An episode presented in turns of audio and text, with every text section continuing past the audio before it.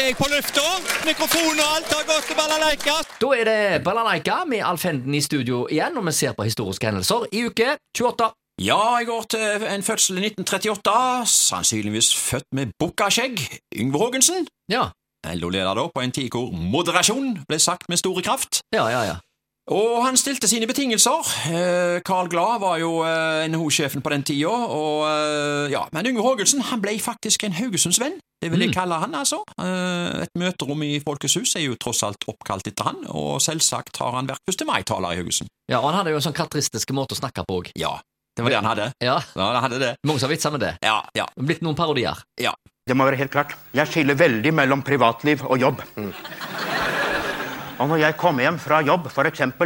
med tarifforhandlinger med NHO, eller jeg kommer fra et møte i sekretariatet i LO, da har jeg behov for å koble jobben helt ut. Eh, 1956 ble Michael Spinks født, amerikansk bokser da, med OL-gull, og senere verdensmester i tungvektsklassen i IBF. Og mange husker nok kampen mot Steffen Tangstad i 1986, du. Mm. Spinks vant på teknisk knockout i forrige runde, og på den tida der så hadde, vel, hadde jo aldri noen boksekamp eh, blitt om, omtalt så mye i Norge, så, så den der med Steffen Tangstad der. Mm. Og Michael Spinks han er jo bror til Leon Spinks, så det er en hardslående Familie. familie, det der. der. Ja, ja. Hendelser internasjonalt. 1985. Live Aid-konserter du arrangeres på Wembley i London og GFK Stadium i Philadelphia. Til inntekt for sultrammede i Etiopia, og dette var jo et prosjekt som hadde Bob Geldorf, i alle fall han, i spissen der.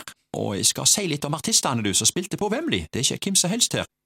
Status Quo, Queen, Boomtown Rats, eh, med nettopp Bob Geldorf da. eh, I Don't Like Mondays. Det var jo Mm. mange som gikk rundt og Sang på. den gangen. Ja. Ja. Og så var det jo 80-tallsheltene, da. Spandew Ballet, Nick Kershaw og Paul Young, og, og mange, mange flere. Eh, Mm. Et høydepunkt var det nok eh, når Paul McCartney, eh, David Bowie og Bob Geldof og Alison Maillet og Pete Townsend gikk i gang med Let It Be. Mm. Da gikk det frysninger i ryggen på alle som så Ja. på TV, tror jeg. Men du savna Stones? De var ikke med. Ja. Eh, De var dessverre ikke det, altså. De var vel Jeg tror ikke har følt seg for store til det heller, men eh, Nei, de, var, ikke- de var ikke med. Nei. Nei, nei. Og konserten på Wembley avsluttes jo med Band Aid. Do They Know It's Christmas. Mm. Um, ja, og over på andre siden av Atlanteren, på GFK Stadium, det var ikke noe B-lag det heller. Beach Boys, Duran Duran, Led Zeppelin, Ryan Adams, og så nevnte du Rolling Stones, men det var faktisk en duett der mellom Mick Jagger og Tina Turner. Mm. Ja, og de spilte deriblant Stones-hiten It's Only Rock and Roll, But I Like It. Ja. Mm. Så han var med Mick Jagger, iallfall. Og der avslutta de med USA for Africa, da. We Are The World. Og dette her var i 1985, og på den tida der så eh, var det blitt litt sånt òg i Norge at eh, nattkonserter ble ofte sendt på TV. Vi fikk på en måte nye bekjentskaper med disse her store artistene, som før eh, aldri ble vist på TV. Ja. Ja, 80-tallet var det sto første store tiåret der, altså. ja. De hadde sånn innsamling i eh, Afrika òg, for uh, Norge. De Og den- kalte det for Radiaid. Var det det de kalte det for? Ja, fordi det var så kaldt, så de måtte sende radiatorer Ja, til Norge. Ok, ok. Ja, radiatorovn her. Ja, ok. Ja. Ja, du, vi går til 1976 med altså kino. Kino, da. Uh, festiviteten gikk filmen Den siste Fleksnes. Det var jo med Rolf Wesenlund, selvfølgelig. Og og moderen, Aud Schønemann. Ja. På nattkino gikk uh, filmen Farvel, min venn, en film med Charles Bronson og Alain Delors.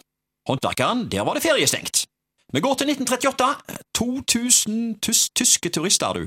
Haugesunds Dagblad skrev 2000 tyske turister i Haugesund i går. Det tyske turistdampskipet Monterosa kom hertil uventet.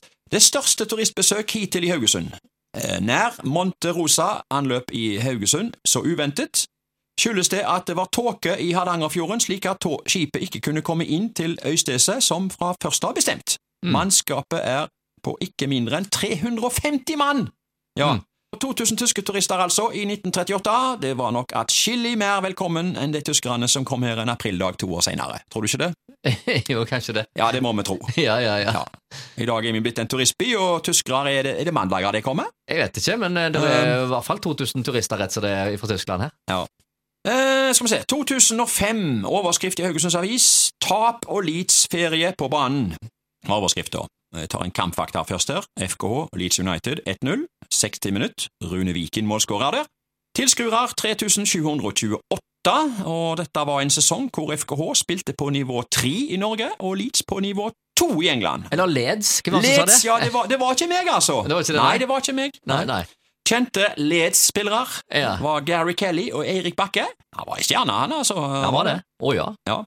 Jeg bare siterer her, da. For få uker siden ble FKH latterliggjort av, FKHs, nei, av Vikings juniorlag. I går var de det utskjeltes tur til å latterliggjøre engelske stjerner. På banen var Leeds-spillerne veldig tafatte. På tribunen gjorde supporterne mye mer av seg. Fra England, Bergen, Stavanger, Ferkingstad ble trukket fram her, Ja. og mange andre steder i inn- og utland var de kommet til Haugesund stadion. Leeds-supportere. Sangene tok Måkeberget seg stort sett av, men hundrevis av Leeds-fans i supportertrøyer lyste opp stadion. Så å si alle sitteplassene var fulgt opp, både på østre og vestre. De gjorde saktens opp for den manglende innsatsviljen til Leeds-spillerne. Så kan jeg bare nevne her at Både FK og Leeds bytta jo enormt med spillere i løpet av kampen, da, men dette var en kamp det var gøy å være på, altså. Sol og varmt i været, og apropos det, tørste engelske Leeds-supportere spurte om hvor bodene var som solgte øl inne på stadion. Og De fant bare boder som solgte brus og pølser. De, Ja, ja, ja. de fant ikke boder som solgte øl. Nei. Det var de Det var vanskelig å forklare dem hvorfor. Vi Ja. har alkoholforbud. Eh, Ja. ja. Så de måtte bare sørge for å supe før de skulle inn. ja, og etter. Og etter. Ja, ja, de, de tapte jo kampen, og på vei ned til sentrum så forsto vi iallfall at eh, supporterne tok kampen alvorlig. Oh, Å, ja. Sang og gulte på Blackwell off, Blackwell off. Altså, det var jo manageren til Leeds det, da. Ja, nettopp. Så, eh, så han ville de ikke ha noe mer med å gjøre. Men ble det god stemning da på puben etterpå, selv om de samla sammen Ja, det ble, Måkeberget? det ble jo for så vidt det, da. Ja, ja, ja. Eh, Og spillerne, de, eh, altså I pausen så husker jeg at Leeds-spillerne sto og skrev autografer på indre bane, men etter kampen så ville de helst rett inn i garderoben. Så oh, ja. de forsto at de hadde tapt. Ja, ja, ja. Ja, ja. Så det var egentlig litt greia. Ja. Men, men, men eh, da er det bare én ting å spørre om. ja. Knusa Leeds på stadion! Oi! Ja, måtte det skje igjen? Det har Det er hot.